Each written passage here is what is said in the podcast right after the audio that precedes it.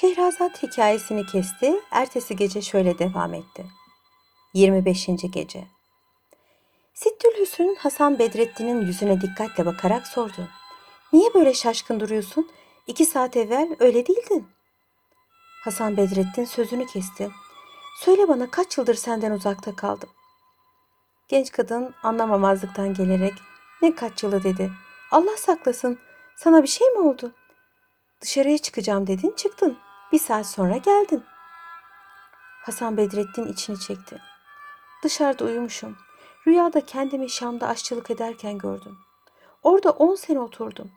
Başıma neler gelmedi. Bir gün kibar ve zengin bir ailenin çocuğu geldi. Dükkanımda helva yedi. Bu çocuğa karşı bir yakınlık duydum. Arkasından çıktım. Maksadım nerede oturduğunu öğrenmekti. Arkasından gittiğimi görünce yerden bir taş alıp kafama attı. Hasan Bedrettin bunu söylerken birdenbire elini alnına götürdü. Yaranın izini bulunca duraladı. Yara yerini göstererek işte yaranın izi dedi. Hakikate benzeyen bu rüya beni çok düşündürüyor. Sittil Hüsün onu okşayarak herhalde dışarıda uyurken başın sert bir şeye değdi dedi. İnsan rüyasında neler görmez ki? Bunun üzerine Hasan Bedrettin başını sallayarak dertli dertli mırıldandı. Ondan sonra daha neler neler gördüm. Beni yakalayıp bir sandığa koydular. Günlerce o sandıkta kaldım. İyi ki bu işler başıma rüyada geldi. Yoksa ben çoktan öbür dünyayı boylamıştım. Sittil Hüsn kocasının boynuna sarılarak Anlaşılıyor ki sen çok korkunç bir rüya görmüşsün. Hadi yatağa gir de uyu. Biraz sinirlenir yatışırsın. Dedi. Hasan Bedrettin yatağına girdi. Çoktan beri hasret çektiği böyle rahat bir döşeye kavuşunca gözleri kendiliğinden kapandı. Derin bir uykuya daldı. Ertesi gün erken uyandı. Giyinip kuşanarak hizmetçilerin hazırladıkları kahvaltı sofrasına oturdu. Ansızın içeriye Vezir Şemseddin'in girdiğini görünce ağzı açık kaldı. Vezir kendisini selamlayıp hatrını sorunca Hasan Bedrettin dayanamayarak sordu. Benim Şam'daki dükkanımı, tezgahımı yıktıran, beni yakalatıp bir sandığa tıktıran siz değil miydiniz? Bunun üzerine Vezir Şemseddin ona her şeyi anlattı ve sonra senden şüphelendiğimiz için öyle yapmak zorunda kaldık dedi. Artık her şey geçti. Hepimiz bir çatı altında buluştuk. Vaktiyle babanla aramda çıkan bir anlaşmazlık yüzünden başımıza gelen bu haller gerçekten çok gariptir. Vezir Şemseddin sözlerini bitirince Hasan Bedrettin amcasının boynuna sarılarak ağlamaya başladı. Sonra oğlunu ve annesini görmek istediğini söyledi. Amcası hemen kalkıp onları da çağırdı. Baba oğlun buluşmaları çok hazin ve heyecanlı olmuştu. Böylelikle bir araya toplanan ailenin sevincine bir son yoktu. Ömürlerinin sonuna kadar birbirlerinden ayrılmayarak mesut bir hayat yaşadılar. Harun Reşit bu hikayeyi dinledikten sonra kölenin hayatını bağışladı. Şehrazat bu hikayeden çok hoşlanan hükümdar kocasına gülümseyerek bundan daha meraklı bir hikaye vardır. Müsaade ederseniz anlatayım dedi. Hükümdar müsaade değil rica etti. Şehrazat anlatmaya başladı. Küçük Kambur Evvel zaman içinde Çin ülkesinde bir terzi vardı. Hali vakti yerinde olan bu adam eğlenceye, zevk ve sefaya düşkündü. Her fırsat buldukça genç karısını yanına alır, onunla gezmeye çıkardı. Bir gün yaptıkları bir gezintiden dönerlerken karşılarına acayip kılıklı bir kambur çıktı. Öyle bir kambur ki en somurtkan kimseleri bile bir bakışta güldürür. Bu adam hoşlarına gitti, onu evlerine davet ettiler. Kambur bu daveti kabul ederek terziyle konuşa konuşa eve geldi. Biraz dinlendikten sonra terzi kamburla karısını evde bırakıp öteber almak için dışarıya çıktı. Çarşıdan kızarmış balık, limon, ekmek ve yemiş alıp döndü. Terzinin karısı hemen sofrayı hazırladı. Hep beraber yemeğe oturdular. Bir aralık terzinin karısı büyükçe bir balık parçasını alıp kambura uzattı ve şaka olsun diye bunu bir lokmada yutmasını söyledi. Kambur kadının isteğini yerine getirmek istedi fakat kılçık boğazına takıldı. Aman zaman deyinceye kadar adamcağız fenalaşıp oracıkta ölü verdi. Sabah oluyordu. Şehrazat durdu. Hükümdarım, müsaade ederseniz yarın akşam devam edeyim dedi. Hükümdar başını sallayarak peki dedi ve ertesi akşam güzel karısının şöylece anlattığı masalı dinlemeye koyuldu. 26. gece Kambur'un öldüğünü gören karı koca telaşa düştüler. Terzi, eyvah ne diye bu adamı evimize çağırdık? Gördün mü? Herifin ölümüne sebep olduk diye dövünmeye başladı. Karısı, olan oldu bir kere. Geçmişe pişmanlık fayda etmez. Şimdi şu ölüyü ne yapacaksak yapalım dedi. Terzi gözleri yuvasından fırlamış olan kambura bakarak sordu. Hakkım var karıcığım ne yapalım? Kadın akıllıydı. Bunun üzerine bir ipek örtü atarız. Sen onu kucağına alırsın. Ben de arkadan gelirim. Yolda biri soracak olursa oğlumuz hastalan da hekime götürüyoruz deriz. Üst tarafı kolay. Bunun üzerine terzi hemen kamburun ölüsünü büyükçe bir ipek örtüye sararak kucağına aldı. Sokağa çıktılar. O önde, kadın arkada yürümeye başladılar.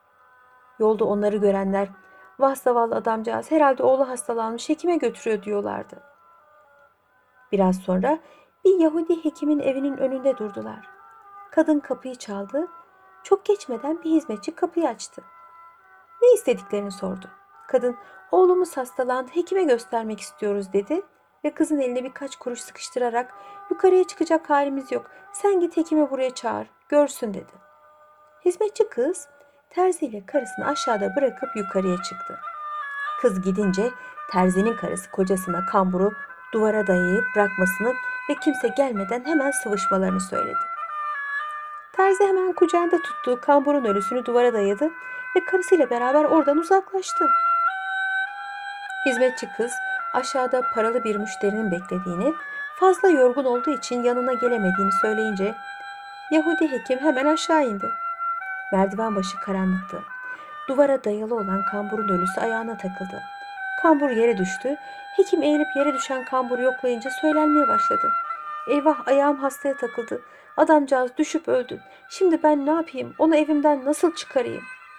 Sonra birdenbire hatırına bir şey gelmiş gibi ölüyü kucaklayıp yukarıya çıkardı. Başına gelen felaketi karısına anlattı. Bu dertten kurtulmak için akıl danıştı. Yahudi karısının rengi attı. Kocasına hemen bunu evden çıkar. Sabaha kadar kalırsa halimiz haraptır dedi. Bunu alıp dama çıkaralım. Oradan komşumuz saray katibinin evine sarkıtırız. Mahallede ne kadar kedi köpek varsa bir yolunu bulup bu adamın evine giriyor. Saraydan getirdiği etleri yemekleri yiyorlar. Belki köpekler onu da parçalayıp yerler. Böylelikle kambur ortadan kalkar. Hekim karısının bu sözlerini akla yakın buldu. Karı koca olup hemen kamburu dama çıkardılar. Oradan saray katibinin evine geçtiler. Saray katibi bekardı. Akşamları evine geç dönerdi. Daha eve gelmemişti. Onun için rahat rahat eve girdiler. Ölüyü mutfağının önüne bırakıp çıkıp gittiler. Saray katibi eve geldiği zaman mutfağın önünde bir adam durduğunu görünce yumruklarını sıkarak bağırmaya başladı. Demek şimdiye kadar getirdiğim etleri yemekleri sen yordun ha?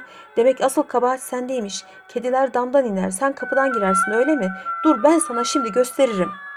Katip bunu söyleyerek eline geçen bir çekiçle kamburun göğsüne vurdu. Ölü yere yıkıldı. Katip hemen yere eğilip ölünün göğsünü dinledi. Nefes almadığını görünce yaptığına pişman oldu. Hiç yoktan katil olmuştu. Bunun sonunu düşünerek cesede bir daha baktı. Kambur olduğunu fark etti. Hem kambur hem de hırsız diye söylenerek onu sırtladığı gibi evden dışarıya çıkardı. Korku ve heyecan içinde tenha sokaklarda yürümeye başladı. Nihayet bir dükkanın önünde durarak kamburu orada bırakıp savuştu. Biraz sonra sarhoş bir halde oradan geçmekte olan bir Hristiyan simsar kamburu görünce yanına yaklaştı. Birkaç saat evvel kendisine sataşıp elinde tuttuğu torbasını alan bir adama benzeterek birdenbire üzerine yürüdü ve kambura bir tokat attı. Adamın yıkıldığını görünce üzerine çullandı. Daha eli boynuna yapışır yapışmaz tüyleri diken diken oldu.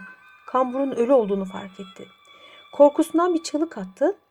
O sırada oralarda dolaşan bir bekçi koşarak yanlarına geldi. Bekçi Simsar'ın kamburu öldürdüğünü zannederek yakasına yapıştı, onu karakola götürdü.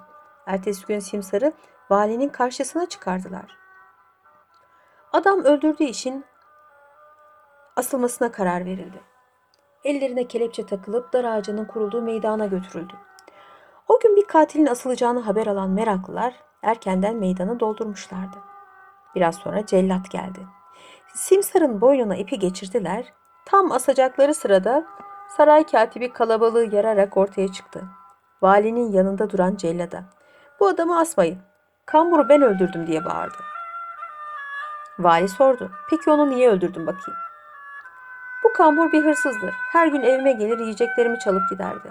Geçen akşam onu suçüstü yakaladım. Elimde bir çekiç vardı. Onunla vurayım dedim. Meğerse adamcağızın ömrü tükenmiş. Dokunmamla cansız bir halde yere düştü. Bunun üzerine cellat valinin emriyle ipi Hristiyan simsarın boynundan kaldırıp katibin boynuna geçirdi. Tam onu asacağı sırada bir Yahudi hekim koşa koşa geldi. Valinin ayaklarına kapandı. Bu adamın günahı yoktur, onu idam etmeyin, asıl katil benim dedi. Vali bu işlere hem şaşıyor hem de sinirleniyordu. Yahudi'yi kamburu niçin öldürdüğünü sordu. O da heyecan ve korkudan titreyen bir sesle bakılmak için gelmişti. Karanlıkta eteğine bastım yere düştü birdenbire öldü dedi. Vali hemen cellada katibin boynundaki ipi kaldırıp Yahudi hekimin boynuna geçirilmesini emretti. Hekimin asılacağı sırada birdenbire kalabalığın arasından bir adam çıktı. Bu adam terziydi. Valinin yanına sokularak idamın durdurulmasını çünkü asıl suçlunun kim olduğunu söyleyeceğini bildirdi. Vali cellada beklemesini emredince terzi. Kamburu bu adam öldürmemiştir dedi. Onun asıl katilleri karım ve benim. Bir gün gezmeden dönerken kendisine rastladık. Çok garip tuhaf bir hali vardı. Eğlenmek için evimizde davet ettik. Yemek sırasında karım ona büyük bir balık parçası verdi. Onu bir lokmada yutmak isterken boğazına bir kılçık takıldı. Ölmesine sebep oldu. Biz de korkudan onu alıp Yahudi hekimin evine götürdük. Orada bakılacak bir hastaymış gibi bıraktık. Vali cellada bu sefer ipi terzinin boynuna geçirmesini emretmek üzereydi ki birdenbire hükümdarın muhafızları geldiler. Onu Yahudi'yi simsarı terzi alıp saraya götürdüler. Kambur hükümdarın soytarısıydı. Saraydan çıkalı 24 saat geçtiği halde dönmediği görülünce hükümdar başına bir felaket geldiğini tahmin etmiş ve ahaliye haber göndererek kamburu arattırmasını şayet ona bir şey olduysa da haber getirilmesini istemişti.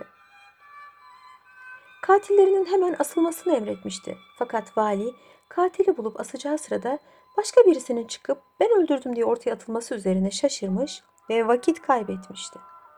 Bunu haber alan hükümdar hemen muhafızlarını yollayarak vali ile diğer suçluların yanına getirilmesini istedi.